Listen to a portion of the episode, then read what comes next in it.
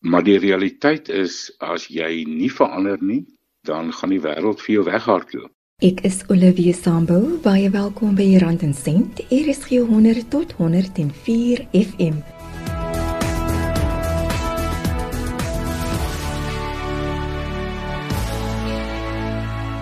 In die laaste paar jare het die wêreld so vinnig en drasties verander op verskillende vlakke van tegnologie tot opleiding.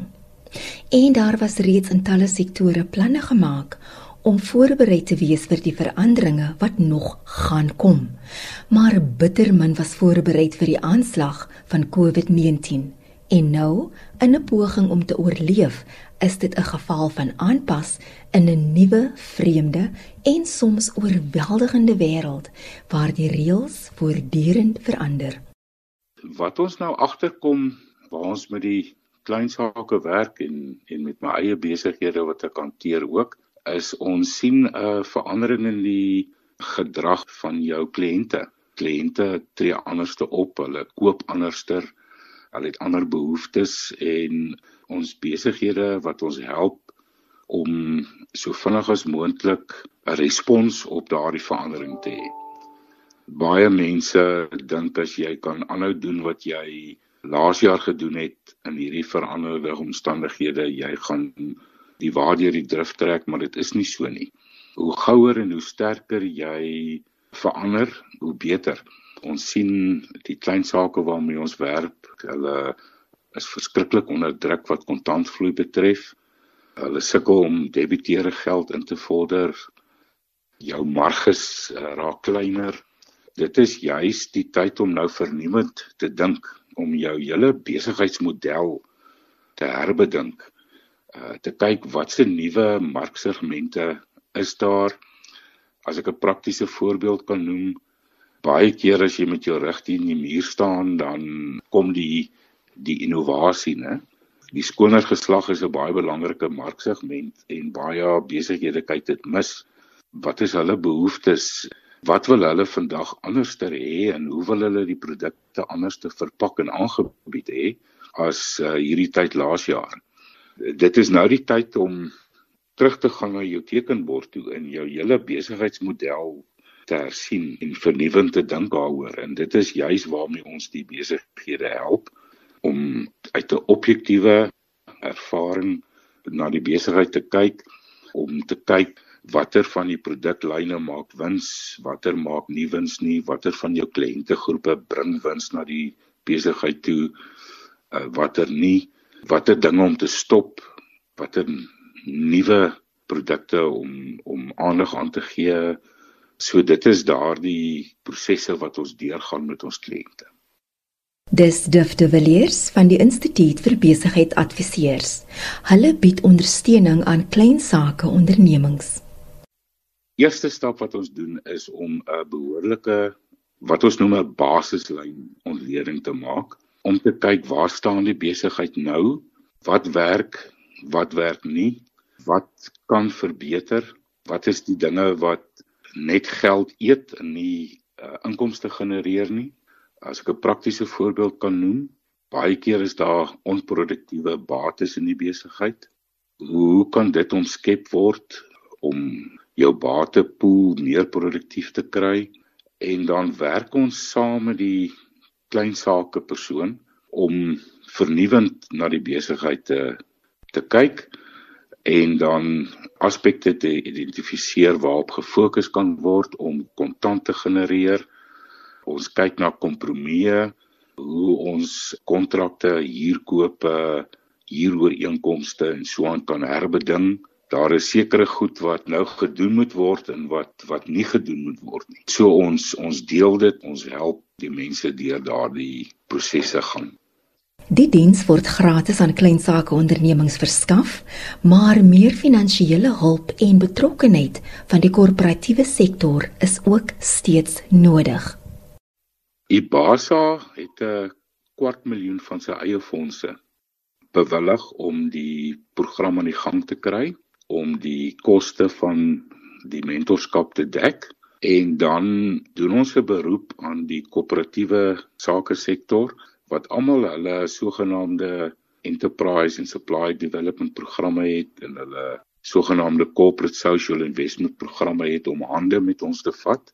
Ons het 'n baie sterk pool besigheidsmentors wat oor die hele land strek om hande te vat met hulle en dan hierdie saadkapitaal wat die basis van 'n kwart miljoen gegee het aan te vul sodat ons die hele poging kan versterk. Ons ervaring het geleer en grootliks ook met die banksektor wat wat finansiering verskaf is dat as jy behoorlike mentorskap gee, dan verlaag dit die risiko dramaties. So in baie gevalle as hierdie hulpfondse wat nou bestaan geld in 'n maatskappy inpomp, in baie gevalle is dit totaal oneffektief as jy jou besigheid nie anders te bestuur nie. As jy nie aanpas by die omstandighede wat nou verander nie. So ons het besef dat net om geld in 'n besigheid in te gooi is baie keer raak dit 'n bodemlose put as jy nie behoorlike mentorskap by dit gee nie. En dit is waar ons die inisiatief geneem het. Uh die baas het die kwart miljoen ingesit om die program aan die gang te kry en dan 'n hand opgesteek met die versoek aan die koöperatiewe sektor uh om hande te vet, vat en dan die die program verder te versterk. Dit was Stef de Villiers van Ibasa wat 'n beroep gedoen het op die sake sektor om hulle te steun in hulle projek om hulp aan klein sake ondernemings te bied. Ian Scott is die hoof van vaste rentedraande instrumente by Momentum Beleggings. Hy is van mening dat die regering verdere ondersteuning kan bied deur regulering te verminder totdat ekonomiese vooruitsigte beter lyk.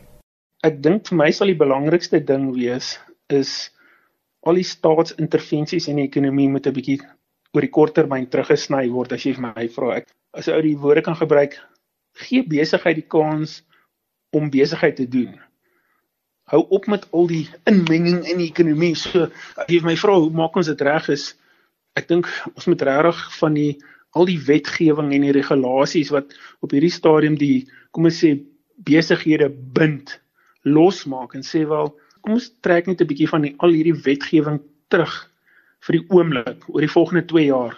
Kom ons kry net weer die ekonomie in die gang en dan as die ekonomie weer in die gang is, dan kan ons weer praat oor regulasies en hoe ons besigheid weer reguleer en nie reguleer nie, maar waar ons nou is, amper ons moet maar 'n absolute kapitalistiese stelsel toe gaan ons sê laat besigheid doen wat hulle nodig het om te doen om wins te maak, want as jy wins maak, gaan jy belasting betaal, as jy wins maak, gaan jy mense in diens neem en as jy mense in diens neem, weet ons daar's hierdie effek in die ekonomie dat mense wat eweskielik werk het, wat geld het, wat kan spandeer, sal goed wees vir die ekonomie. So as jy vir my vra wat om te doen, sal ek sê kom ons hou net verskriklik op met die regulasies en die oorregulering van die ekonomie op hierdie stadium.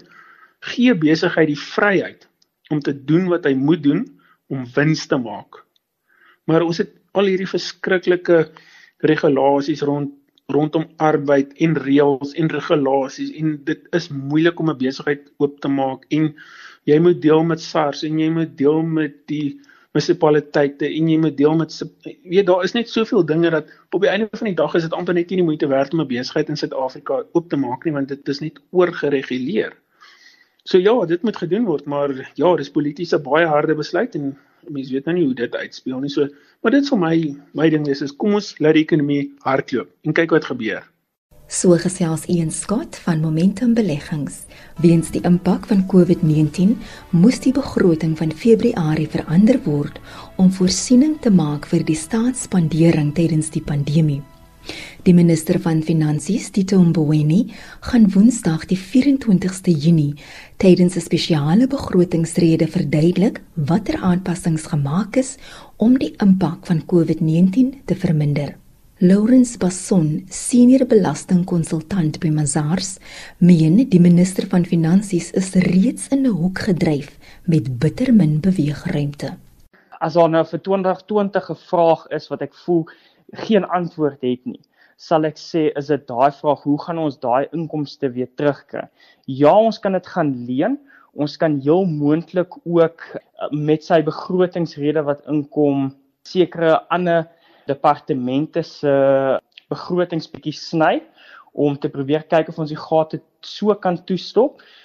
Maar ek wil definitief net nie iets sien wat hoe kan ek sê die die waters baie troebel gaan maak in die opsig van moontlike addisionele belastingmaatreëls om te kyk of hulle kan so deur geld kan weer invorder. Ek wil nie dit heidaglik sien nie, maar ek kan ook nou nie sê dat ons dit nie moontlik in volgende jaar se begrotingsrede gaan sien nie. En daarvoor is ek baie bekommerd want ek weet nie wat is op die kaarte vir volgende jaar nie, veral wat heidaglik gebeur.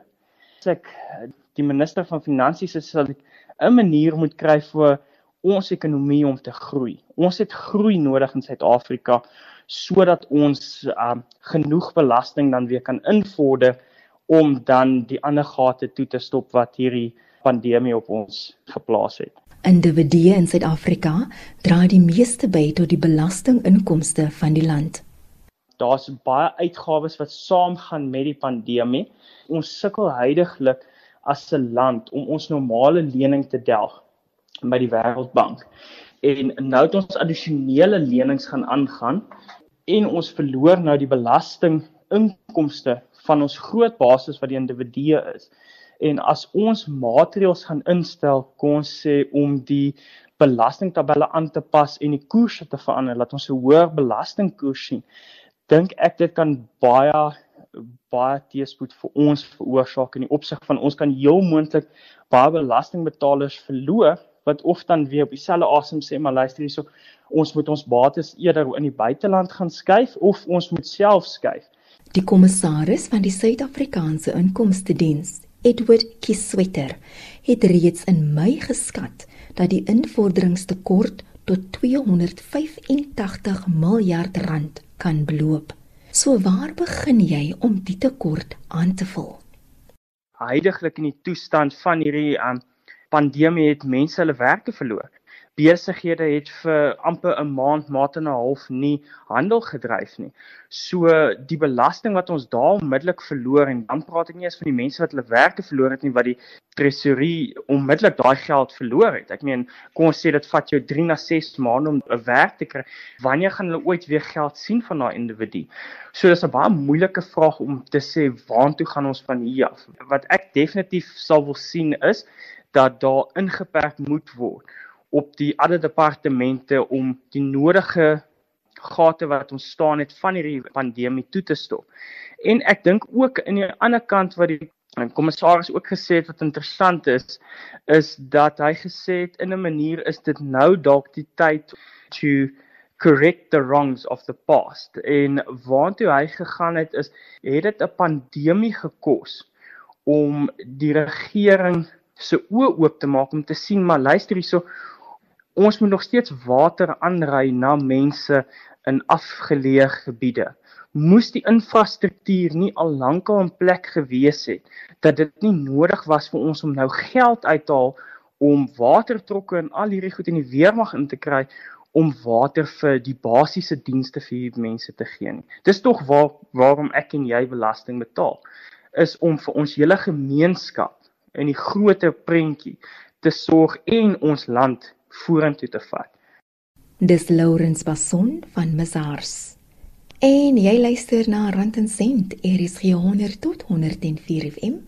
Stuur 'n e-pos na randencent.rsg@gmail.com of stuur 'n WhatsApp teks of stemboodskap na 076 536 6961. Skakel ook in op die DSTV kanaal 813 of luister aanlyn by www www.rsg.co.za waar jy ook die program kan aflaai. Ian Scott, hoof van vaste rentedraande instrumente by Momentum Beleggings, erken dat dit nou 'n baie moeilike tyd is vir talle Suid-Afrikaners, maar hy glo daar is steeds goeie geleenthede om nou te belê is 'n ongemaklike periode op hierdie stadium, maar ja, jy weet daar's goeie geleenthede in Suid-Afrikaanse markte in verskillende instrumente. En ek dink nie ou moet jou jou geld onder die matras wegsteek nie. Ek dink daar praat met 'n met 'n goeie finansiële adviseur, praat met kundiges en en kyk hoe ou jouself 'n 'n bietjie 'n neseier kan skep vir die volgende paar jaar want dit is in tye van krisis wat 'n mens jou eintlik die beste geleenthede kry om vir jouself 'n 'n goeie neseier vir die toekoms te bou. So ons dink hierdie is goeie geleenthede in Suid-Afrika om om goeie bates te koop vir die toekoms teen baie bekostigbare pryse. Maar hoekom is dit nou 'n goeie tyd om te belê? Die groei vir hierdie jaar lyk of dit omtrent minus 10% die die reële groei wat nou nog 'n slegte nommer gaan wees. Maar dit lyk of inflasie hierdie jaar laer as 3% gaan wees. So onthou, inflasie is eintlik die grootste vyand van beleggings. Nou inflasie gaan hierdie jaar baie baie laag wees. So kom ons sê onder 3%. Nou die kapitaalmark gewoonlik oor 'n baie lang periode dan sal iets so staatseffekte vir jou kom ons sê 2.5 of 3% oor inflasie gee. So as ons dink inflasie is 3 dan behoort die die langtermyn staatseffekte koers omtrent kom ons sê 5.5 te wees. Maar die langtermyn staatseffekte koers is nou kom ons sê 9 amper 9% jy kry amper inflasie plus 6 van staatseffekte af. So dit beteken die pryse is eintlik baie laag. 'n Klomp slegte nuus sit klaar in ons staatseffekte mark. Ja, slegte staatsfinansies. Ja, Eskom is nie lekker nie. Ja, die landbank is nie lekker nie. Daar's 'n klomp negatiewe nuus in ons staatseffekte geprys. So, jy weet mense voel hulle hierdie ongemaklikheid in hulle maag en in hulle binneste. Maar ja, die markte voel net so, so die pryse het baie geval. So ons dink altyd 'n goeie beleggingsgeleentheid is wanneer pryse in markte val. Ja, dit voel ongemaklik, maar dit is juis wanneer die beste geleenthede homself voordoen is wanneer pryse in markte laag is, soos ons nou sien in die in die Suid-Afrikaanse kapitaalmark. Die kapitaalmarkte bied op die oomblik nie goeie opbrengste nie. Wat baie baie baie belangrik is wat gemis word is dat wat is besig om te gebeur op regtig op die aandelemark is ons sien al die maatskappye kom met met hierdie verlaagde winsvooruitskattinge uit want hulle hulle nommers lyk nie lekker nie maar die belangrikste ding wat vir my eintlik gebeur is hulle is besig om almal hulle dividende uit te stel daar's nie baie maatskappye op die JSE op hierdie stadium wat dividende betaal nie so beleggers kry miskien 'n bietjie kapitaalgroei maar hulle kry geen inkomste uit aandele nie Dieselfde ding gebeur met met die eiendomsmark. Ons sien al die groot eiendomsmaatskappye kry nog hulle huure in, maar hulle verklaar geen uh, distribusies nie. So die die eienaars van eiendomaandele kry geen inkomste uit dit uit nie. Vir beleggers is inkomste belangrik, veral as jy 'n pensionaris is, want dit is jou inkomste waaruit jy moet lewe. So ons sê vir beleggers, ons dink staatseffekte oor die volgende 2 jaar gaan 'n baie baie belangrike deel van jou pensioenfonds of van jou beleggingsfonds of jou anniteit of wat ook al watse tipe spare jy ook al het want ons kuponne moet betaal word. Nou kuponne is die rente wat ons verdien. Dit moet betaal word anders is dit slegte skuld. So of dit nou die regering is en of dit nou Eskom is en of dit nou 'n bank is en of dit 'n maatskappy is ons rente moet eers betaal word. So so staatseffekte en effekte in die algemeen in Suid-Afrika gaan vir jou rente betaal. Want die slegste ding wat jy nou kan doen in die volgende 2 jaar is is om kom ons sê van jou aandele of van jou eiendomsbates te moet verkoop sodat jy inkomste kan kry om uit te lewe. En dis kom ons sê as jy nou 'n portefeulje het of jy is in 'n pensioenfonds dan moet jy eintlik 'n hoë allocasie tot staatseffekte hê want dit is wat vir jou die inkomste kan gee oor die volgende 2 jaar. Maar dis nie gegee dat selfs in 2021 maatskappye gaan dividende betaal nie. En naderhand hoe gaan mense lewe as jy nie 'n inkomste het nie? Dan moet jy begin jou bates verkoop. Gaan liewer na die bateklas toe wat vir jou kon nie sê gewaarborg maar kom ons sê amper gewaarborgde inkomste gee en lewe van dit. So ons dink daar's daar's eintlik 'n baie goeie geleenthede vir pensioenfonde en vir beleggers in Suid-Afrikaanse staatseffekte. Dit was Ian Scott van Momentum Beleggings. Ek het ook gesels met Lawrence Vasson van Mazars en Duff de Villiers van die Instituut vir Besigheidsadviseurs. En dis tot sins van my Olivia Sambo tot 'n volgende keer hier op Rand en Sent ნეთირობ ერესხია.